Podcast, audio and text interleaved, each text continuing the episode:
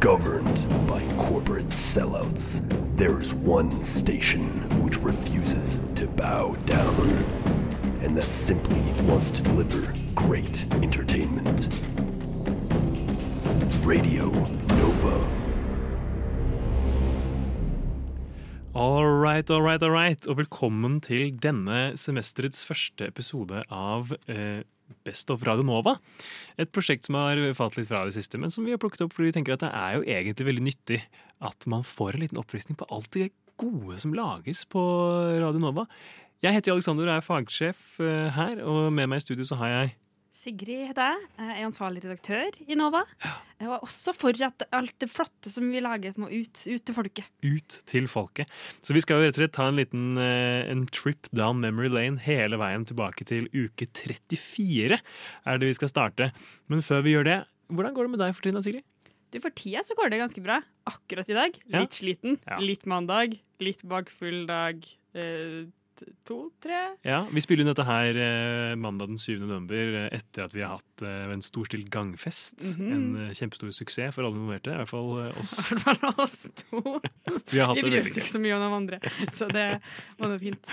Det er jo ingenting som er så fett som å skryte over at man er bakfull, men I can't help it today. Can't help it today. Sånn måtte det bli. Men Sånn måtte det bli. ellers så går det veldig fint. Hvordan går det med deg, Aleksander? Det går bra. det går bra. Jeg merker det på skrotten at man er skranten, men det får så være. Jeg Skal prøve å hoste inn i armhulen og ikke inn i mikrofonen eh, i dag. God eh, radioteknikk der, altså. Har lært av de beste. Nei, men eh, skal vi ikke egentlig bare hoppe i gang? da? Vi skal eh, tilbake til eh, det herrens år 2022, uke 34. Eh, men før det skal vi ha en liten jingle. Nothing seems that weird anymore. All right. Uke 34. Sommeren er på hell. Ja, og det er da eh, 22. til 28. august, for dere som ikke snakker i uka. Ja, Ja. det er faktisk godt du sier. Ja. Eh, sommeren var i hvert fall på hell. Eh, Dette var siste kveld. Dette var siste kveld. Eh, det er jo da eh, selvfølgelig den eminente gjengen i frokost vi snakker om her. Med seg på sendetime så hadde en gode Theis både Magnus og deg, Sigrid. Vi er jo litt uh, biased, selvfølgelig. Men Litt. det var ikke jeg som kåra meg sjøl til Nei. ukevinner. Eh, det ble presisert eh, i informellen også, men ingen fagsjefer ble skadet eh, eller truet i den prosessen. Det var helt organisk. Eh, rett og slett bare fordi det var veldig gøy å høre på. Eh, jeg kan jo lese opp det jeg skrev eh, den gang tilbake i uke 35, da, eh, da jeg gjorde denne, denne oppsummeringen. Kjør. Det første radioøyeblikket fra den ferske fagsjefen er klart, og det er frokost med stikket tilfeldig folkeopplysning. Konseptet er like enkelt som det er genialt. De tre i studio blir tatt med på en reise av tilfeldig sideknappen på Wikipedia og skal opplyse lytteren og hverandre om det de møter på. Her lærer man både om ordet kultstatus, Surinams visepresident og sjakktrekket spansk åpning, Berlinerforsvaret. Stikket glir knirkefritt av gårde, trygt ledet av den solide Theis, og godt hjulpet av Sigrid og Magnus, som er flinke til å stille gode oppfølgingsspørsmål og spare kommentarer til der det passer inn, uten å avbryte hverandre. Kort og godt et solid radioøyeblikk hvor du både lærer noe nytt og koser deg i selskap med dyktige radiofolk. Wow, så utrolig hyggelig å høre fine ord om seg selv på slik en mandag. For nesten fnys, eh, fnysninger, sa jeg. Frysninger. Nei, men, men kanskje vi egentlig bare skal, eh, skal høre på dette her, da. Jeg har faktisk ikke hørt på det siden vi var på, eh, på allmøte. Ja. Så eh, det blir spennende. Et lite vi si uke 34 igjen, for nå har uh, uke 34 aldri blitt takt så ofte på to minutter før Nei. som nå. Jeg har skrevet en liten liste over, ord jeg skal huske på å si veldig mange ganger. Uke 34 er blant dem. Og også o- eminent kommer vi til å høre igjen i løpet av denne sendingen. Men eh, nok om eh, det. La oss høre litt tilfeldig folkeopplysning, ja.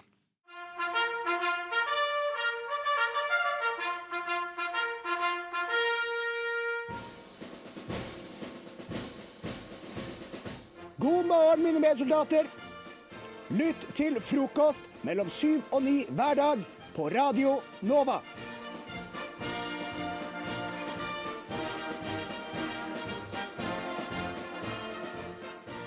Hjertelig velkommen til radioprogrammet Tilfeldig folkeopplysning, hvor tre eh, folk i studio går inn på Wikipedia, trykker på tilfeldig side, til de finner noe som de har lyst til å forklare deg litt om. Så en slags sånn tilfeldig folkeopplysning. Det er litt sånn Jeg tenker nesten at det er litt sånn inspirert av eh, Slumdog Millionaire.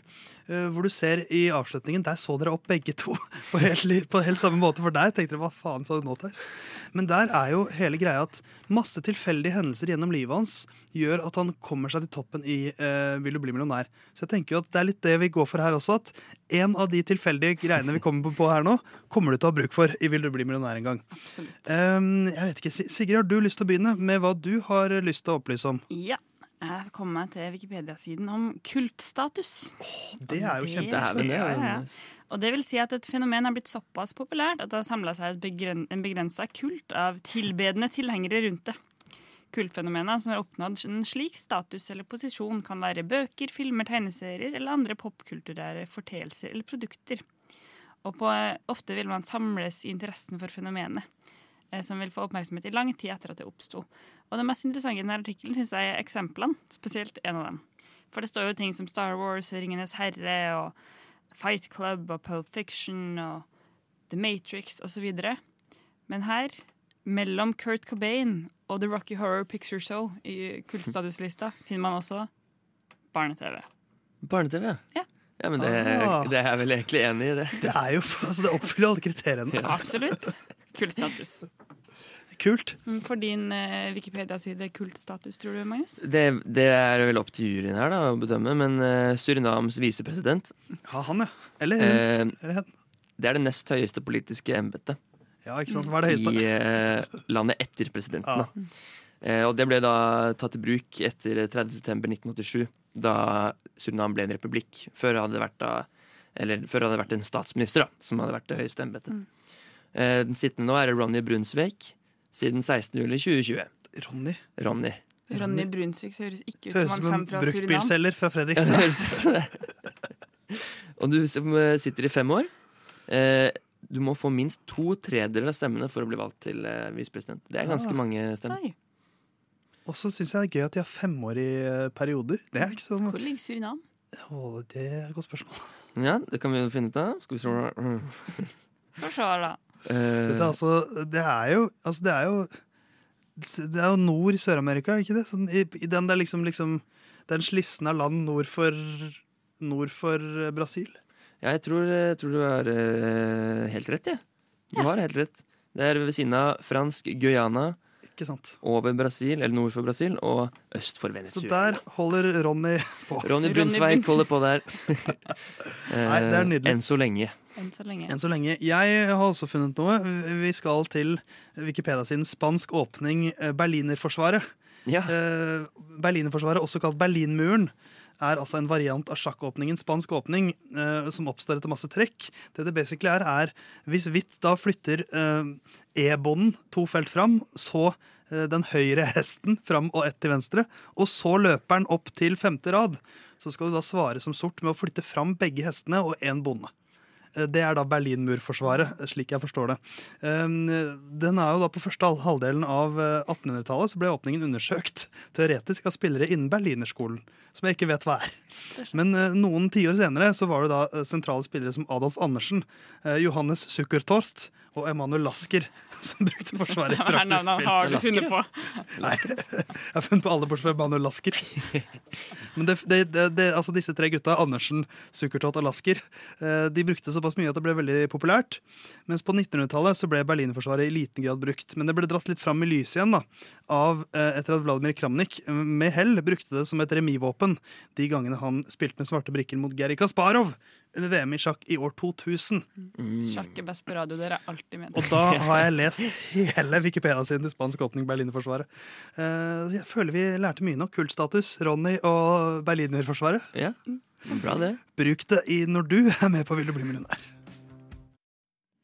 Det sykeste her er fortsatt at eh, visepresidenten i Surinam heter Ronny Brunsvik. Ronny Brunsvik. et Østfold-navn, liksom. Det hører ikke hjemme i Surinam. Det er i det hele tatt veldig mange bra navn i dette innslaget her. Sukkertoft også. Ja, Adolf Andersen. Ja. Veldig bra. Det er sånn her skummel variant av eh, Snekker Andersen. Ja, Eh, det er Hans onde tvilling Adolf Andersen. Veldig gøy å høre på. Veldig stødig ledet av, eh, av den gode Theis. Mm. Eh, og et morsomt eh, konsept. Mm. Og så kan man jo kanskje nesten eh, si, for å gi litt selvskryt, at eh, det fikk litt kultstatus også. Fordi eh, det her stikket ble faktisk kåra til månedens radioøyeblikk Det er på vårt helt allmøte. sant. Det ble kåret av et flertall i eh, vår medlemsmasse til å være det beste som var produsert de, de tre ukene før det ene allmøtet. Følte at du måtte si et flertall av vår medlemsmasse, så det ikke skulle hørtes, høres for ut som om jeg hadde stemt fra meg sjøl. Eh, hvis det er noen som ikke eh, er med i Radnova som skulle slumpe til å høre på dette her, så kan jeg kanskje gi litt kontekst. Demokrati lever også i Surinam. Også i Sur- det kan Ronny Brunsvik eh, skrive under på. Ja. Du Du Du hø hører på. På Radio Nova. Og fra tilfeldig eh, folkeopplysning og til eh, kulturdekning, så skal vi nå over til vinneren fra uke 35. Som er eh, den gode Tage Rivas Tollefsen, tidligere medlem i, eh, rad- eller i Nova Noir, og tidligere også fagsjef, faktisk. Som, eh, som sitt lille farvel til eh, Radio Nova lagde dette innslaget, som er en anmeldelse av filmen Wheel of Fortune and Fantasy. Eh, og før vi går inn i selve innslaget, så tenkte jeg at jeg skulle lese opp det jeg skrev eh, da vi eh, Eller ja, Gjør det. den gangen tilbake i august. Denne uken har vi et noe vemodig radioøyeblikk på topp, nemlig det aller siste innslaget fra den eminente Tage Tollefsen. Han har de siste seks og et halvt årene vært et trofast medlem av filmredaksjonen Nova Noir, hvor han har levert radioøyeblikk etter radioøyeblikk. I tillegg til å ha vært fagsjef og ikke minst en kjernekar.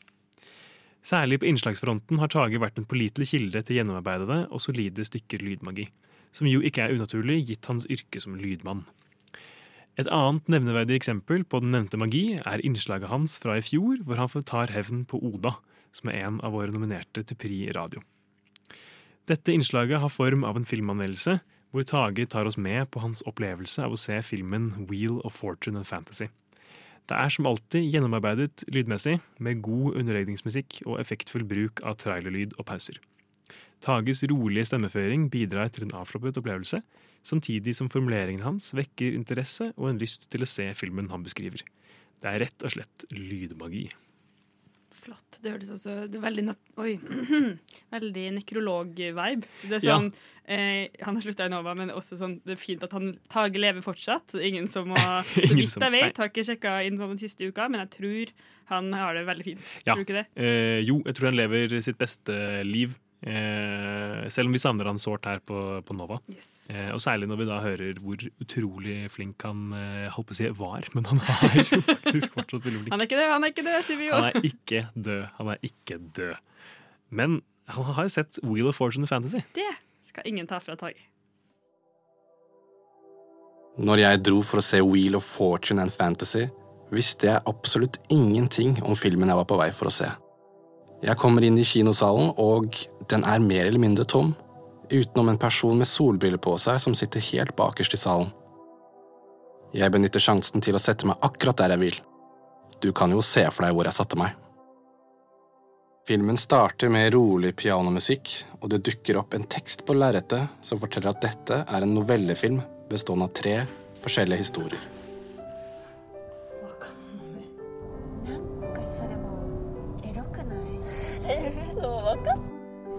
私が下に行こうか上にいてびっくりしたうん嘘みたい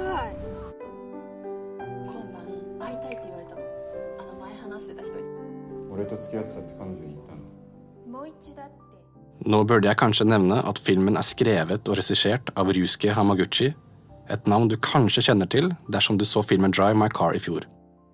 Drive My Car vant Oscar for beste internasjonale film, og ut ifra Wheel of Fortune and Fantasy å bedømme er Hamaguchi en fantastisk historieforteller med en helt unik stemme i filmbransjen. はい私そういうのそういうペース無理な人だからでも3回目ぐらいに大体みんな求めてくるそうだから3回目で求めてきた人はチャラいっていうくくり あグミちゃん厳しいないやまあそれはねこことここで違うとこだよ Jeg visste som sagt ingenting om plottet til filmen, og det syns jeg egentlig var en ganske fin opplevelse, så jeg kommer til å være vag med vilje om hva de ulike historiene handler om. Det jeg kan si, er at de følger tre forskjellige kvinner som havner litt tilfeldig i unike mellommenneskelige situasjoner. Det er den type situasjon som har en intimitet og særegenhet som kanskje bare oppstår én gang i livet ditt. En hendelse du ikke vil dele med andre, som du husker i lang tid. サインここにいただいていいですか本の中にですか 私このページの描写がとても好きなんですここに先生のサインをいただけたら読むたびにすごく嬉しいと思ってダメですかいやじゃあ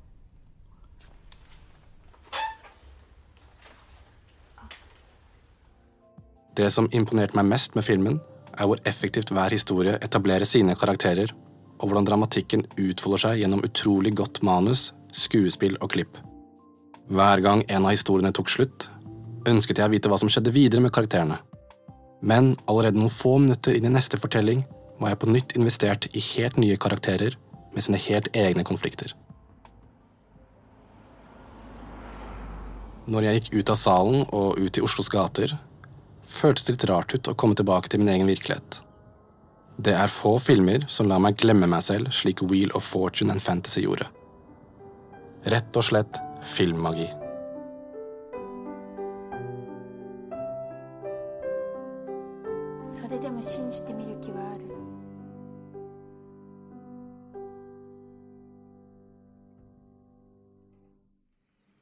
Åh, deilig. Det er veldig deilig. Jeg fikk jo eh, veldig lyst til å se filmen. Jeg vil også være med på me mellommenneskelige relasjoner som man bare opplever en gang i livet. Ja, ja, ja. Absolutt. Ja, det er virkelig det er en god, eh, en god eh, anbefaling. Man får veldig lyst til å se den filmen han snakker om. Mm. Særlig. Og så synes jeg Det er sånn en, en deilig liksom, Det er en deilig verden å være i, dette, dette innslaget, med musikken og liksom den lavmælte snakkingen på japansk. Og, og i det hele tatt som tages ut som rolig stemme som på en Mm. måte geleider oss frem. Det er, veldig, det er veldig behagelig å høre på. Men så lurer vi jo også først og fremst på Du kan jo gjette hvor jeg satte meg. Ja. Hvor, Tage? Si det, da! Hvor i kinosalen satt du deg? Det tenkte jeg også på. Du kan jo gjette hvor jeg satte meg. Alexander, du er mye på kino. Hvis det var helt tomt, hvor hadde du satt deg da? Eh, rad tre i midten. Rad tre i midten. Ja, i Kanskje midten, Tage rad også en rad tre kind of Ja. guy? Det kommer litt an på, for det er noen kinosaler på, på Vega for eksempel, så er du i storsalen der, så har du øh, altså sånn øh, Jeg tror jeg sa øh, rad fem, Mm. hvor du har veldig mye bedre benplass enn alle de andre. Og da vil jeg alltid sette meg der. Jo mer benplass, jo bedre. Hot tip Mm -hmm. altså. Absolutt. Så det, det er mange ting dette innslaget et- etterlater oss eh, med. Vi har lyst til å se filmen Wheel of Fortune Fantasy, og vi lurer veldig på hvor i alle dager Tage setter seg ned når han kan velge helt selv. Eh, så det. Et eh, godt stykke lydmagi der, altså. Men vi skal videre til uke 36, hvor da eh, Sander Zakaria gikk av med, eh, med Seieren? Seieren. Nå stanset det helt. Ja. Eh, gikk av med seieren som, eh, som eh, den som lagde det, det beste radioøyeblikket. Uke 36 var jo en spesiell uke for, eh, for store deler av verden. Mm. Eh, det er da helt til starten av september, da dronning Elisabeth døde. Mm. Eh, og hun døde på en torsdag kveld. Eh, og fro, nei, Opplysningen, som Sander er med i, har jo da sending fredag morgen. Eh, så da måtte jo eh, Måtte ikke, men vi er veldig glad for at Sander tok og kasta seg rundt og eh, lagd en nekrolog Mm, til denne dronning. Elisabeth. Ja. Veldig imponerende at det, at det ble laget på så kort tid, og så ble det allikevel så bra. Ehm, det syns jeg er utrolig imponerende. Jeg kan lese litt kjapt hva jeg har skrevet her eh, sist. Jeg skrev veldig kort. Torsdag kveld fikk hele verden sjokknyheten om at den britiske dronningen var gått bort, bare timer før opplysningen av sendetid. Det stoppet ikke Sander og resten av gjengen fra å kaste seg rundt og lage skikkelig gjennomarbeidet innhold om den gamle monarken, med en dedikasjon som er forbilledlig. Det, er- altså det er jo noe som eh, opplysningen virkelig er eh, gode til. De, altså de lager jo på en måte eh, veldig gjennomarbeidet eh, innhold Mm. eh, hver eneste uke. Men så har de på en måte virkelig, eller så kan de fortsatt liksom kaste seg rundt eh, og lage dette innslaget da, på liksom en, en ettermiddag eller en kveld. Eh, og de er jo også da villige til å sitte oppe lenge på natten for å faktisk liksom lage dette innslaget, eh, istedenfor å bare liksom Ja, vi sender bare det vi har laget. Likevel så tar vi det her neste uke. Mm. Nei, det er ikke sånn det fungerer. Ikke på opplysningen. Det er vi glad for. Det er vi veldig glad for. Så la oss rett og slett høre Sander Zakarias innslag om dronning Elisabeth. A few moments ago, Buckingham Palace announced the death of Her Majesty Queen Elizabeth II. The palace has just issued uh, this statement. It says the Queen died peacefully at Balmoral this afternoon. Dronning Elisabeth 2.s tid som dronning strekker seg så langt tilbake i historien at de fleste knapt kan huske en annen monark ved den britiske tronen. En trone hun satt på i 70 år, som den lengstsittende monarken i britisk historie. Men at Elizabeth Alexandra Mary skulle bli dronning, var ikke selvsagt da han ble født 26. april 1926. Som prins Albert, hertugen av York sin førstefødte datter, var veien til tronen lang for dronning Elisabeth. Faren hennes var kong George 5.s andre sønn, og dermed var det hennes onkel Edward som var arving til tronen. Onkelen satt på tronen i under et år, før han frivillig abdiserte som et resultat av at den britiske offentligheten, regjeringen og den engelske kirken fordømte hans beslutning om å gifte seg med den skilte kvinnen Wallis Simpson. Dermed ble det hans bror som tiltrådde i rollen som king George 6., og dronning Elisabeth ble tilsynelatende tronarving. På dette tidspunktet i historien var verden rundt Elizabeth i endring. I Europa var Hitler på fremmarsj, og kort tid etter var Storbritannia i krig. Under krigen oppholdt prinsesse Elizabeth seg mye på slottet Windsor utenfor London. Herfra holdt den unge Elisabeth radiotaler til det britiske folket, sammen med hennes yngre søster Margaret. But in the end, all will be well. For God will care for us and give us victory and peace. And when peace comes, remember, it will be for us, the children of today, to make the world of tomorrow a better and happier place. Mot slutten av krigen tjenestegjorde Elisabeth i lottekorpset, et kvinnelig, ubevæpnet hjelpekorps i den britiske hæren. Her fikk hun opplæring både som mekaniker og sjåfør. Og ved krigens slutt, da dagen for seier i Europa ble markert i Storbritannia, tok Elisabeth og Margaret til gatene og tok del i folkefesten. Elizabeth møtte sin kommende mann, Philip Mountbatten, før krigens utbrudd i 1939. Og historien vil ha det til at det var kjærlighet ved første blikk. Men forholdet fikk ikke utvikle seg uten komplikasjoner. Det var flere, både i hoffet og i palasset, som var usikre på om han var den rette mannen for henne. De hadde svært forskjellig bakgrunn, og fem år skilte dem i alder. I tillegg til dette var det på grunn av skandalen rundt kong Edward og Wallis Simpson stilt mange spørsmål til monarkiet som institusjon. Fire måneder etter at de annonserte at de skulle gifte seg, var seremonien i gang. Bryllupet i seg selv var en stor affære med nesten 2000 gjester, deriblant flere konger og dronninger. En mottakelse på Buckingham Palace og en nesten tre meter høy bryllupskake. Seremonien ble direktesendt via BBC Radio og nådde ut til over 200 millioner mennesker. I, Elizabeth Alexandra Mary, Take thee, Philip, take thee, Philip, to my wedded husband, to my wedded husband, to have and to hold, to have and to hold, from this day forward, from this day forward. for better, for worse. Året etter bryllupet kom en arving til verden. Charles ble etterfulgt av Anne, født i 1950, og senere fikk de også de to sønnene Andrew og Edward. I februar 1952 døde kong George 6. av lungekreft. På dette tidspunktet befant Elizabeth og Philip seg på en månedslang rundtur av samveldet. En samling av 54 nasjoner, hovedsakelig Storbritannia og deres tidligere britiske kolonier. Dronning Elisabeth 2. fikk beskjeden om at hun hadde blitt dronning idet hun befant seg i toppen av et afrikansk fikentre i Kenya. En klar parallell til dronning Elisabeth 1., som fikk beskjeden om at hun skulle bli den neste dronningen av England, mens hun satt under et eiketre. De var begge 25 da de tiltrådte som monark. Kroningsseremonien fant sted i Westminster Abbey i juni 1953, over ett år etter farens død. Dette var første gang seremonien ble sendt på fjernsyn, og den nesten tre timer lange seremonien ble sett av 27 millioner briter, mens 11 millioner fulgte den på radio.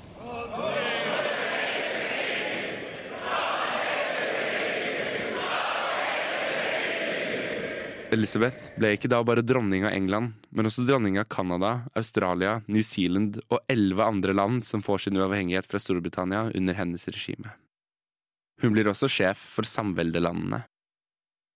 Elizabeths kroning ble en krevende overgang for prins Philip. Han måtte legge karrieren som marineoffiser på hylla da hans kone overtok den britiske tronen. Men etter hvert som årene gikk, blomstret også forholdet. Elizabeth fikk ansvar for landet, mens Philip ledet familien. Han var en viktig støttespiller for henne bak kulissene, og forholdet deres ble sterkere enn det hadde vært i utgangspunktet. Hver uke møter monarken av Storbritannia landets statsminister. Dronning Elisabeth 2. har i løpet av sin tid som dronning hatt 15 statsministre å forholde seg til. Den første Winston Churchill, og den siste Liz Truss, som fikk oppdraget to dager før Elizabeths død. I Elizabeths tid på tronen har både samfunnet og hennes rolle som dronning endret seg. Dronning Elisabeth anno 1947 ville neppe latt Queen-gitarist Brian May spille nasjonalsangen fra taket av Buckingham Palace, slik han gjorde ved hennes gulljubileum i 2002. Akkurat slik Elizabeth anno 2002 neppe ville medvirket i en James Bond-sketsj med Daniel Craig, slik hun gjorde under åpningen av OL i London i 2012. Og dronningen anno 2012 ville neppe satt seg til bords med barnebokfiguren Paddington for å nyte en kopp te, før hun gikk ut på balkongen for å feire sine 70 år på tronen, slik hun gjorde tidligere i år. Oh dear. Um, perhaps you would like a marmalade sandwich. I always keep one for emergencies. So do I. I keep mine in here. Elizabeth har i sin periode som monark sakte beveget monarkiet og de kongelige nærmere folket. Hun lot seg aldri intervjue i løpet av sin tid på tronen, men fokuserte heller på å møte folket, ikke bare britene, men hele det enorme samveldet. Hun var for eksempel i 2011 den første monarken som hadde vært på besøk i den irske republikken, og den første som satt foten i Irland siden 1911. Under hennes styre har mange av de kongelige eiendommene som Buckingham Palace blitt åpnet for publikum. Og da hun feiret sin 90-årsdag i 2016, var dette med en stor lunsj på paradegaten The Mall, som går fra Buckingham Palace til Trafalgar Square. Den siste perioden på tronen skulle by på utfordringer for Elizabeth. Barnebarnet prins Harry brøt med kongefamilien, og tok med seg sin kone hertuginne Meghan og sønnen Archie til USA. Hennes nest yngste sønn prins Andrew ble i 2019 beskyldt for seksuelle overgrep, og dronningen måtte frata han alle offentlige oppgaver. Vanskeligere ble det på vårparten 2021, da hennes livspartner Philip gikk bort, 99 år gammel.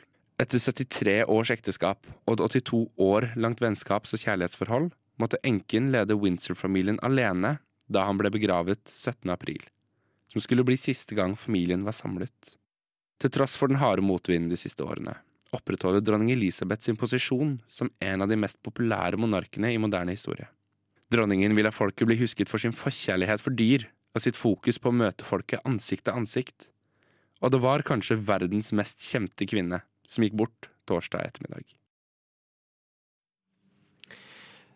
Det var jo en uh, historie om et liv, holdt jeg på å si. Et lite liv. Et Eller et stort, liv. stort liv, da, Ja. om du vil. Jeg har vært litt rørt, jeg. Ja. jeg syns uh, Sander forteller sjukt fint å ha med Altså bare det å på de her par timene velge ut alt det her fra livet Mm. hennes, er jo også utrolig imponerende arbeid. Og, Og- eh, ja. Og i tillegg til eh, denne, dette innslaget, så har han også laget eh, et, eh, eller en eh, nettsak som legger ute på våre nettsider, som eh, forteller mye av den samme historien. Mm. Mm. Det er jo ja.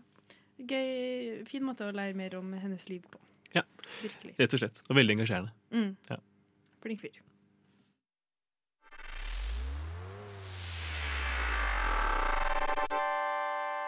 Radio Nova. OK. Da har vi rett og slett eh, beveget oss gjennom eh, de eh, nominasjonene som var, eller de, eh, de eh, radioøyeblikkene som var. Den, eh, de første tre ukene av dette semesteret. Mm. For den, dere som skal følge med på denne podkasten fremover, så er det viktig å forstå at vi har vår egen tidstrening på Nova, som Ja. går fra, fra tidspunktene vi har allmøte. Så en måned starter tis, nei, andre tirsdagen, Mm. eh, og så varer den til andre tirsdagen neste måned. Ja.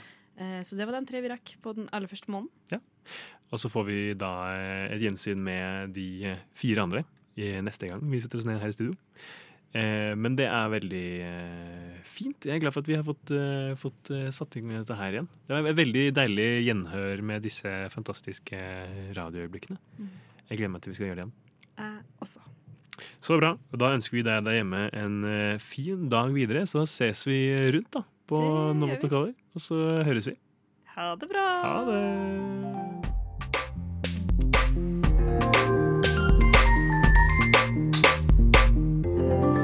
Du har hørt på en Radio Nova-podkast. Du finner flere podkaster i din foretrukne podkastavspiller eller på vår hjemmeside radionova.no.